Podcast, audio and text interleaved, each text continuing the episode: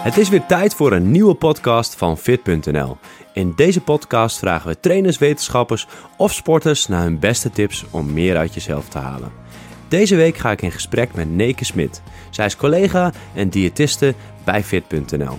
En ik vraag haar naar het werk als diëtist. Wie mag je bijvoorbeeld helpen en wie niet? Bijvoorbeeld iemand met obesitas. Mag je die helpen als diëtist of als personal trainer? Wat is de grens? En een interessant onderwerp wat we bespreken is: hoe onderscheid je je tegenwoordig nog als diëtist van influencers en allemaal bekende coaches? En we hebben het over het onderwerp afvallen. Hoe zorg je ervoor dat iemand gemotiveerd blijft? En tenslotte hebben we het over het vakgebied diëtetiek. Hoe ziet dat er over 20 jaar uit? Wat wordt de diëtist van de toekomst? Maar genoeg van mijn kant, laten we starten met de podcast. Leke, welkom. Leuk dat je er bent. Dankjewel. Uh, we gaan het vandaag hebben over de diëtiek, voeding, voedingsadvies, uh, de toekomst uh, van jouw vak. laten we starten met de eerste vraag. je ziet tegenwoordig veel mensen voedingsadvies geven. Iedereen lijkt een expert op het gebied van voeding, een coach te zijn. wat zijn jouw ogen de meerwaarde van een diëtist ten opzichte van personal trainers, coaches, influencers of een gewichtsconsulent? Ja, ik denk dat dat een hele goede eerste vraag is. Van wat je zelf ook al zegt. Um, er komt steeds meer groei in, in, in de markt met betrekking tot voedingsadviezen, leefstijladviezen. En um, ja, wat de meerwaarde dan is van een diëtist ten opzichte van bijvoorbeeld een influencer of een gewichtsconsulent. Ik denk dat dat ook heel erg verschilt van persoon tot persoon. Kijk, als je natuurlijk kijkt naar de opleiding die een diëtist doet, die moet een vierjarige HBO-opleiding doen en die is daarbij dan ook medisch geschoold. En ik denk dat dat het allergrootste verschil is. Dat als je kijkt naar een diëtist, die mag dus ook mensen helpen met ziektebeelden. Terwijl als je kijkt naar bijvoorbeeld een gewichtsconsulent, die bijvoorbeeld BGN geregistreerd is, die is wel opgeleid, maar niet opgeleid in het begeleiden van mensen die uh, een ziekte hebben. En als je dan wat verder gaat kijken naar bijvoorbeeld influencers of personal trainers of coaches, dan is het ook maar de vraag of ze ook opgeleid zijn. En ik denk niet zozeer dat iedereen die dus niet opgeleid is, niet goed advies kan geven. Maar ik denk wel dat een, een, een certificaat of een diploma wel kan aantonen dat iemand ook competent genoeg is om iemand te adviseren. En bij een influencer of bij een coach of bij een personal trainer is het ook maar de vraag of ze je op de juiste manier kunnen begeleiden. Dus hm. ik wil niet heel zwart-wit denken van een diëtist of iemand die gecertificeerd is, is beter of zijn de enige die het kunnen doen. Maar ik denk wel dat je sowieso heel kritisch moet kijken van wie jou begeleidt en wat voor adviezen ze geven. Want je ziet toch wel heel veel wildgroei aan voedingsadviezen voorbij komen, waarbij ik soms mijn vraagteken zet of dit wel de juiste manier is om iemand te begeleiden. Oké, dus eigenlijk uh, een gewichtsconsulent uh, die uh, mag bijvoorbeeld iemand met, met overgewicht helpen of die wat, wat, wat fitter wil worden, gezonder wil eten. Ja. En als je echt bijvoorbeeld obesitas, als daar sprake van is, of een bepaalde mm ziekte. Obesitas, te hoge bloeddruk, te hoog cholesterol, maar denk ook dus aan echt voedingsgerelateerde klachten, voedselallergieën. Mhm. Ehm, en als je echt verder gaat kijken ook naar echt de medische aspecten, zoals um, met prikkelbaar darmsyndroom, FODMAP-dieet. Dus echt voeding specifiek gericht op een ziektebeeld. Daar heb je een diëtist voor. En voedingsadvies gericht op gezonde leefstijl, dat zou een gewichtsconsulent ook moeten kunnen doen. Oké, en als je uh, iemand adviseert, uh, bijvoorbeeld met een uh, bepaalde ziekte, mm -hmm. bijvoorbeeld diabetes, en je wil daarbij helpen qua voedingsadvies, mag het dat eigenlijk wel als influencer, personal coach of, of uh, gewichtsconsulent? Of is dat eigenlijk bij wet verboden? Bij wet verboden durf ik niet te zeggen. Ik weet wel dat, dat BGN-geregistreerde gewichtsconsulenten het vanuit de vereniging niet mogen. Oké. En um, ja, het is natuurlijk wel de vraag, als jij medisch advies gaat geven en dit gaat fout, hoe goed je dan eigenlijk ingedekt bent ja. daarvoor. En ik, dat vind ik juist ook belangrijk, vooral niet zozeer vanwege het, het um, juridische aspect natuurlijk. Maar vooral je kan met voeding best wel veel schade aanrichten als iemand een medische noodzaak heeft. Ja. En, en ik denk dat daarom mensen ook gewoon heel goed moeten weten waar hun grenzen liggen met het adviseren van mensen. Oké. En als we kijken eh, naar het verschil binnen de uh, diëtetiek, uh, mm binnen diëtisten, um, zijn er ook nog richtlijnen aan dat je bepaalde kwaliteitseisen moet voldoen? Ja, ja, nou, het is wel grappig van, um, je hebt natuurlijk als je afgestudeerd bent, dan word je als diëtist geregistreerd in een kwaliteitsregister. En die moet je elke vijf jaar moet je die vernieuwen om nog ehm, met zorgverzekeraars een C te kunnen gaan. En om je eh, titel te behouden. En daarvoor moet je scholingen volgen, maar ook bijvoorbeeld wetenschappelijke artikelen publiceren, stagiaires begeleiden, intervisies draaien. Dus daar zit wel een heel kwaliteitsplan achter. Maar wat ik wel grappig vind om te zien, is dat je in de laatste jaren ook binnen de diëtetiek heel veel verschillende stromingen begint te zien. Dus je hebt, je hebt diëtisten die, die de richtlijnen gezonde voeding aanhouden. Je hebt diëtisten die heel erg richting bijvoorbeeld het koolhydraat beperkt te gaan of naar puur gezond. Dus daar gaan we Ja. heel veel. Vegan zelfs soms. Vegan ook. Dus Ja. eigenlijk gaat het heel veel verschillende kanten op. Ook al zit je binnen die diëtetiek en ook al voldoe je aan de richtlijnen van het kwaliteitsregister. Maar ik denk ook dat het met voeding is dat ehm de meerdere wegen naar Rome leiden. En dat wat voor één persoon werkt, misschien totaal niet werkt voor een andere persoon. Dus ik denk dat ook het belangrijkste wat jij als diëtist kan doen, of ook als gewichtscoach of, of ehm, gewichtsconsulent, is om te kijken wat jouw cliënt of jouw patiënt nodig heeft. Ja, En wat voor hem of haar werkt. oké. Dus flexibel zijn. Ja, dus de, de, de voedingsadviezen waar je uit kan plukken, zeg maar, die staan niet vast. Dus als je daar niet aan voldoet, bij wijze van als je niet eh, de schijf van vijf volgt, dan kun je alsnog een, een officiële diëtist zijn. Ja. ja. Ja. Ja. Ehm, laten we dan een stukje inhoudelijk gaan, want jij doet heel veel verschillende dingen. Eh, je doet Klopt. online coaching, je eh, ondersteunt ehm, eh, groepen om ze te helpen om zelf coach te worden. Mhm. Ehm, eh, je geeft webinars, het allemaal le- leuke en interessante dingen. Ja. En je eigen praktijk ook nog. Eh, wat vind je het leukste aan, aan je werk als diëtist? Ja, het allerleukste is de variatie. En daarom heb ik mijn werk ook wel zo ingedeeld dat eigenlijk niet één dag voor mij hetzelfde is. En ik heb zowel variatie in de werkzaamheden die ik doe, zoals je zelf ook al zei, van ik begeleid mensen één op één. Eh, maar ook in groepen eh, met workshops, voorlichtingen. Ik doe de online coaching, schrijf natuurlijk artikelen. Zo hou ik mijn kennis zelf ook een beetje op peil. Ehm, dus daar zit heel veel afwisseling in, maar ook in de mensen die ik begeleid. Dus ik heb niet alleen mensen die willen afvallen. Ik heb soms ook wel eens mensen die moeten aankomen. Of ehm, mensen die in ploegendiensten werken of kantoorbanen hebben. Of wel echt met een ziektebeeld te kampen hebben. En het leuke is dat je dus ook met de één op één contacten zoveel verschillende eh casussen hebt. En zoveel dingen waarmee je gaat werken. En die variatie en ik denk toch wel het persoonlijk contact met mensen en te zien dat je die echt kan helpen. Dat dat het leukste is aan mijn werk. Oké. Ja. En zijn er nog vanaf dat je begonnen bent met studeren, uiteindelijk nou, je eerste, eerste klanten hebt gehad, zijn er nog dingen dat je dacht van hé, hey, dat had ik nooit leuk gevonden. Eh, ik heb echt iets ontdekt wat, eh, wat ik echt interessant vind aan het oh, werk. Dat, dat is een hele goede vraag. Nou, ik ben begonnen als diëtist in een ziekenhuis.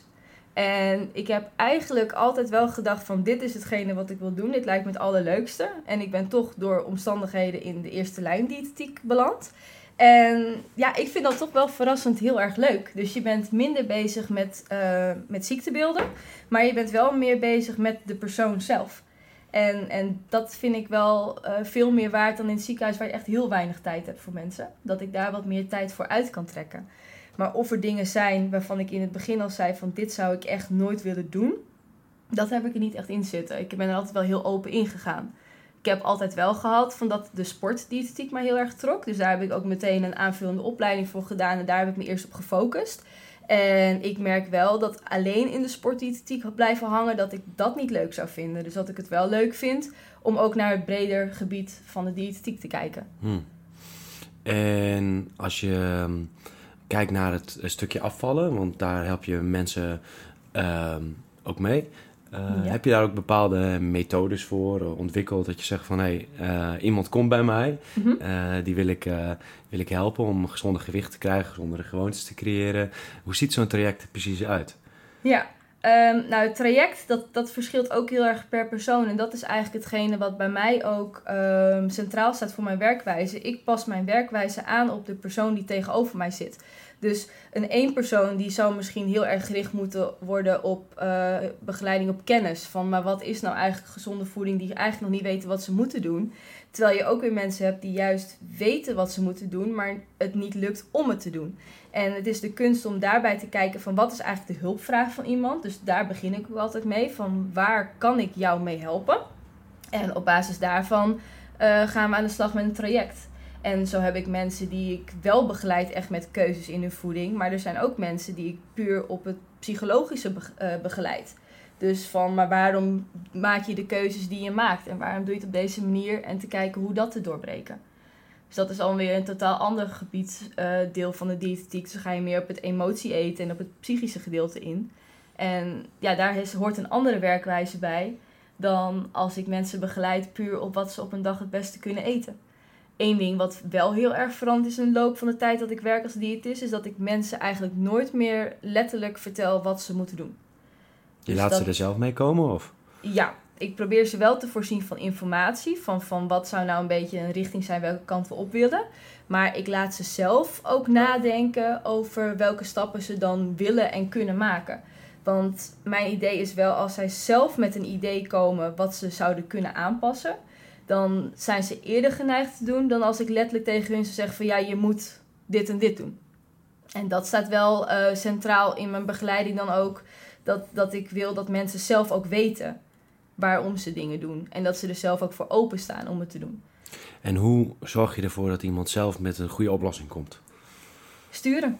Oké. Sturen. Dus gewoon het gesprek met iemand aangaan en ook gewoon uh, benoemen wat, wat, wat opvalt, wat misschien knelpunten zijn. Vaak hebben mensen dat zelf ook wel door en benoemen ze het zelf.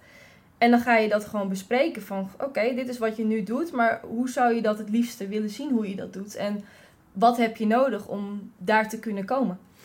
En als je dan samen een advies hebt geformuleerd, bijvoorbeeld uh, of een soort van vervolg, hoe zorg je er dan voor dat iemand dat opvolgt? Dus dat kan een stukje kennis zijn, wat ze dus nodig mhm. hebben. Wat we, kan een stukje bijvoorbeeld je omgeving veranderen zijn, of bijvoorbeeld uh, beter omgaan met je eetgewoontes. Ehm, hoe zorg je er vervolgens voor dat iemand dat doet? je geeft al een paar antwoorden. Ja. dus het is inderdaad ook kijken van wat wil iemand doen en, en hoe past dat het beste binnen iemands leefstijl? Want ik wil niet dat mensen een streng dieet of wat dan ook gaan volgen, maar meer kleine aanpassingen maken die ze op de lange termijn kunnen volhouden. Dus stel je voor dat iemands doel is om uh, per dag twee stuks fruit te eten, ik noem wat. Dan gaan we eerst eens samen kijken, oké, op wat voor momenten in de dag zou je dat dan kunnen doen? En dan leggen we daar gewoon eerst eens even de focus op van hoe gaat dat? En op een gegeven moment ga je dat dan evalueren van hoe is dat gegaan? Wat ging goed? Waar liep je tegenaan? En zo kan je weer vervolgstappen maken of kijken naar, naar een ander doel. Om weer stapje voor stapje naar een gezonder eetpatroon te komen. En als je uh, iemand nou, komt bij jou uh, bij jouw uh, praktijk mm um, en dan heb je dat samen opgesteld. Ja. Hoe vaak ga je dat dan monitoren om vervolgens uiteindelijk dat ze het zelf, het hele gedrag, zich eigen hebben gemaakt? Hoe, lang of hoe vaak? Hoe, hoe, vaak contact of hoeveel maanden? Wat heb je, hoeveel heb je daarvoor nodig? Hoe vaak contactmomenten of hoeveel, hoeveel maanden? Om mhm. vervolgens tot succesvol uh, gedrag te komen wat ze zelf, wat hun eigen is geworden. Dat verschilt heel sterk per persoon. Van, je hebt natuurlijk altijd die vuistregel te zeggen van ja, het is 21 dagen voordat je een gewoonte ontwikkelt. Maar daar geloof ik niet in. Ik geloof mhm. dat het minimaal 21 dagen is. Um, maar um, het verschilt wel erg. Sommige mensen heb ik even wekelijks mailcontact mee. Um, an, uh, mensen mogen me trouwens altijd tussendoor even mailen als ze ergens tegenaan lopen. Maar bijvoorbeeld een wekelijks evaluatiemomentje vind ik zelf altijd wel heel behulpzaam. Maar je hebt ook mensen die daar gewoon geen behoefte aan hebben. En die zie ik bijvoorbeeld één keer per maand. Ja. En wat ik wel zie in de trajecten waarin ik mensen bijvoorbeeld 12 weken begeleid, dat die toch vaker een hoger risico hebben om terug te vallen dan mensen die bijvoorbeeld een half jaar of een, half, of een jaar lang begeleid. Dus ik denk wel, hoe langer jij bezig bent met een bepaalde leefstijl, hoe groter de kans is dat je het op de lange termijn ook kan volhouden. En daarom vind ik het ook wel goed dat wij met de coaching op een gegeven moment gezegd hebben van kies bij voorkeur voor een traject van minimaal drie maanden. Ja. En, en dan ook te evalueren van is het nu goed? Kan je het nu zelf verder? Of is het een idee om het nog wel even wat te verlengen? Ja. Want ik denk dat een maand sowieso veel te kort is. En bij voorkeur zou ik iemand een half jaar of een jaar zien. Ja, precies. Ja. Het is toch een gedragsverandering. En iets wat je misschien 20 of 30 of 40 jaar gedaan hebt, dat heb je er niet in een paar weken uit. Nee. Nee. Nee, misschien een paar procent uitzondering, maar... Ja, ja, maar dat halen we ook al vaak aan in onze, in onze onderzoeken, in onze artikelen. Van dat er onderzoeken zijn waaruit blijkt dat... Hoeveel procent viel ook weer terug? Nee, 85 90 procent van de mensen valt terug in de oude gewoontes. Ja. Uh, en dat is vaak niet wat mensen willen horen. Want ze willen natuurlijk denken, ja, mij lukt het wel. Ja. Uh, maar helaas is dat niet zo. Dus dan is het misschien, hoor jij tot die, dat kleine aantal. Of je moet gaan kijken, hoe kan het traject ervoor zorgen dat, jij het wel, dat het jou wel gaat lukken. Ja. Want ik denk dat dat hoge aantal dat niet lukt, dat dat ook echt komt door misschien te strenge diëten of een te korte begeleiding. Ja. Dat is wel een eh, mooi bruggetje naar mijn volgende vraag. Je ziet eh wonderdiëten, snelle oplossingen, hypes. Mhm. Ik aan een koolhydraatarm-dieet, dat vloog weer voorbij. nou, de broodconsumptie op een gegeven moment in Nederland daalde enorm door het boek van, van Chris Verburg. Dus eh, mensen luisteren wel echt naar eh, gurus en, en, en snelle, makkelijke oplossingen. Ja. Waarbij ze vaak of iets uitsluiten. Ehm, hoe onderscheid jij gegrond advies van misschien advies wat niet werkt Mhm. en dingen die te mooi om waar te zijn? Hoe, hoe zorg je ervoor dat je een, een goede basis ligt voor mensen, dat je zeker weet dat, dat je ze goed kunt helpen? Bedoel je dan het onderscheiden van hypes of in het advies wat ik geef? Ehm, nou, eh, je ziet veel dingen voorbij komen en misschien als diëtist denk je ook al van, hé, hey, dat, eh, dat wil ik eigenlijk ook wel proberen bij mijn eh, klanten. Van, hé, hey, hoe kan ik die, daar, misschien kan ik ze daar wel mee helpen. ja. Hoe weet je nou eigenlijk dat zo'n hype niet werkt? Over het algemeen, als het te goed, te mooi lijkt om waar te zijn, dan is dat vaak denk ik ook zo. En dat is misschien wel een voordeel van het feit dat ik vier jaar lang een opleiding heb gevolgd waarin je ook echt wel leert hoe het lichaam werkt. Is dat ik dan heel vaak ook nadenk van, van is hetgene wat zij beloven en wat zij benoemen, is dat realistisch gezien de werking van het menselijk lichaam? Kijk, als je gaat, en ook is het haalbaar. Want ik denk wel, als jij een complete voedingsgroep ehm, eh, voor jezelf verbiedt, dat je dat, dat je dat uit je dieet gaat halen, ehm, dat je misschien vanuit jezelf ook minder gaat eten. En dat je op die manier dan ook gaat afvallen, omdat je minder calorieën binnenkrijgt. Maar de vraag is dan ook, als je jezelf zoveel gaat verbieden, ehm, geeft dat dan ook een resultaat op de lange termijn? En wat ik daar wel een leuk voorbeeld van vind, van ehm, meestal streef ik wel naar een verdeling van de voeding over de dag. Maar ik heb bijvoorbeeld eens een keer een, een cliënt gehad die qua zijn normale eetpatroon al richting intermittent fasting ging. En toen hebben we eerst eens geprobeerd van hoe gaat de verdeling overdag, maar daar voelde hij zich helemaal niet goed bij. Toen heb ik ook gewoon na een paar weken gezegd, oké, dan gaan we bepaalde richtlijnen qua voeding, want hij zat ook heel hoog in zijn eiwitten, heel laag in zijn koolhydraten. Dat wil ik dan een beetje recht trekken, eh, conform richtlijnen gezonde voeding. Maar dan verdelen we dat over de dag conform intermittent fasting. Wat Dus- hij fijn vindt. Wat hij fijn vindt. En ook wat hij waarschijnlijk ehm, eerder geneigd is vol te houden dan over de dag verdeeld te eten. En ehm, nou ja, hij is 18 kilo afgevallen in zes maanden. En hij voelt zich er gewoon heel erg goed bij. En ik spreek hem over een half jaar weer. En ik hoop dat dat resultaat dan nog steeds behouden is. Ja, Maar ik heb er dan wel meer vertrouwen in dan dat hij iets doet waar hij zich goed bij voelt. ja, Dan dat hij zes maanden iets tegen zijn zin in doet. Dus ik denk dat je bij sommige hypes best wel kan kijken van op wat voor manier zou dit op een gezonde manier kunnen bijdragen om die klant te helpen.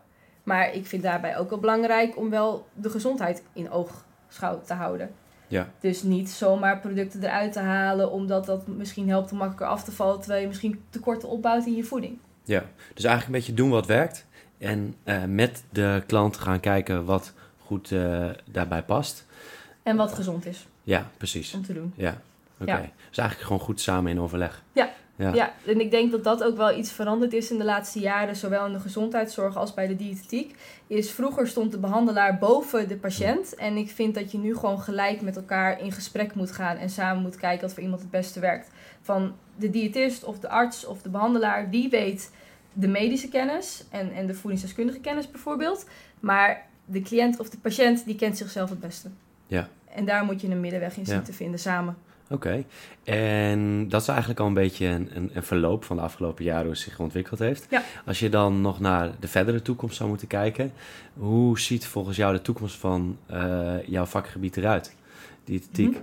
Ehm, wat wordt de diëtist van de toekomst? Wat wordt de diëtist van de toekomst?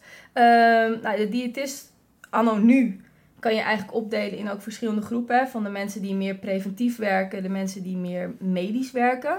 Ehm, daar is nu tegenwoordig heel veel gaande over in verband met bezuinigingen vanuit de zorgverzekeringen. Dat eigenlijk diëtisten niet meer heel goed hun werk kunnen doen. En dat er vaak te weinig tijd beschikbaar is. Nou hoop ik, ook omdat daar gewoon heel veel opstand tegen komt, ook vanuit logopedie, fysiotherapie en dergelijke, ehm, dat daar verandering in gaat komen. Dus dat wij als ehm, paramedici meer tijd kunnen investeren in het begeleiden van mensen. En ze zo beter kunnen helpen. Maar ik hoop ook dat er meer gericht wordt op preventie. Dus tegenwoordig zie je eigenlijk dat mensen vaak pas bij iemand komen als er iets aan de hand is.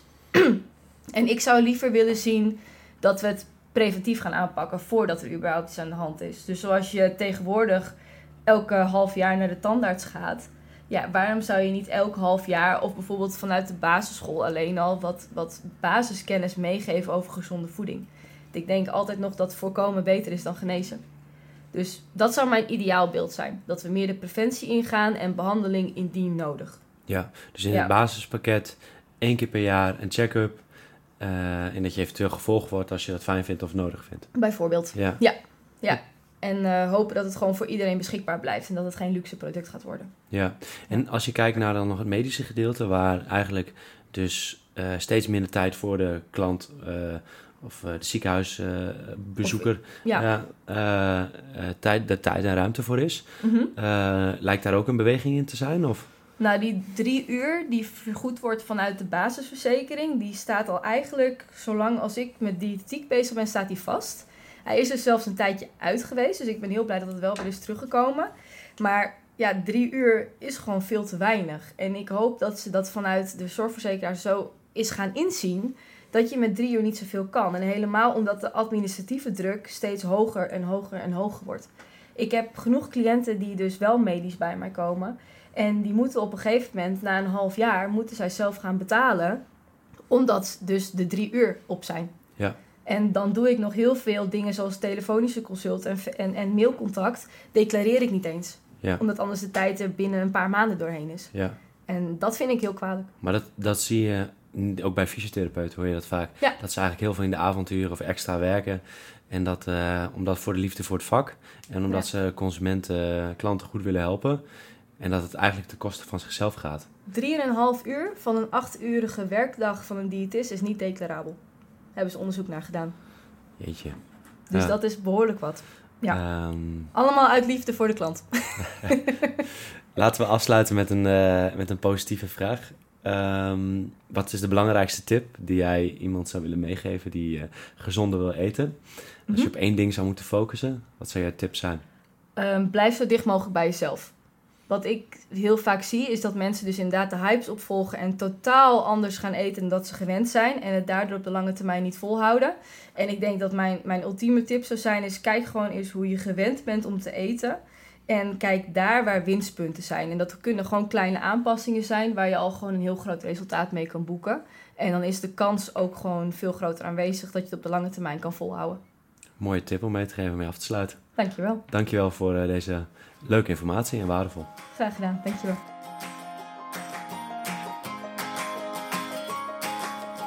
Dit was de podcast met Neke. Wil je meer informatie over haar? Ga dan naar fit.nl slash interview. En daarnaast zou ik het heel leuk vinden als je een review achterlaat op iTunes. Ik ben heel benieuwd wat je van deze show vindt. En tenslotte wil ik je bedanken voor het luisteren.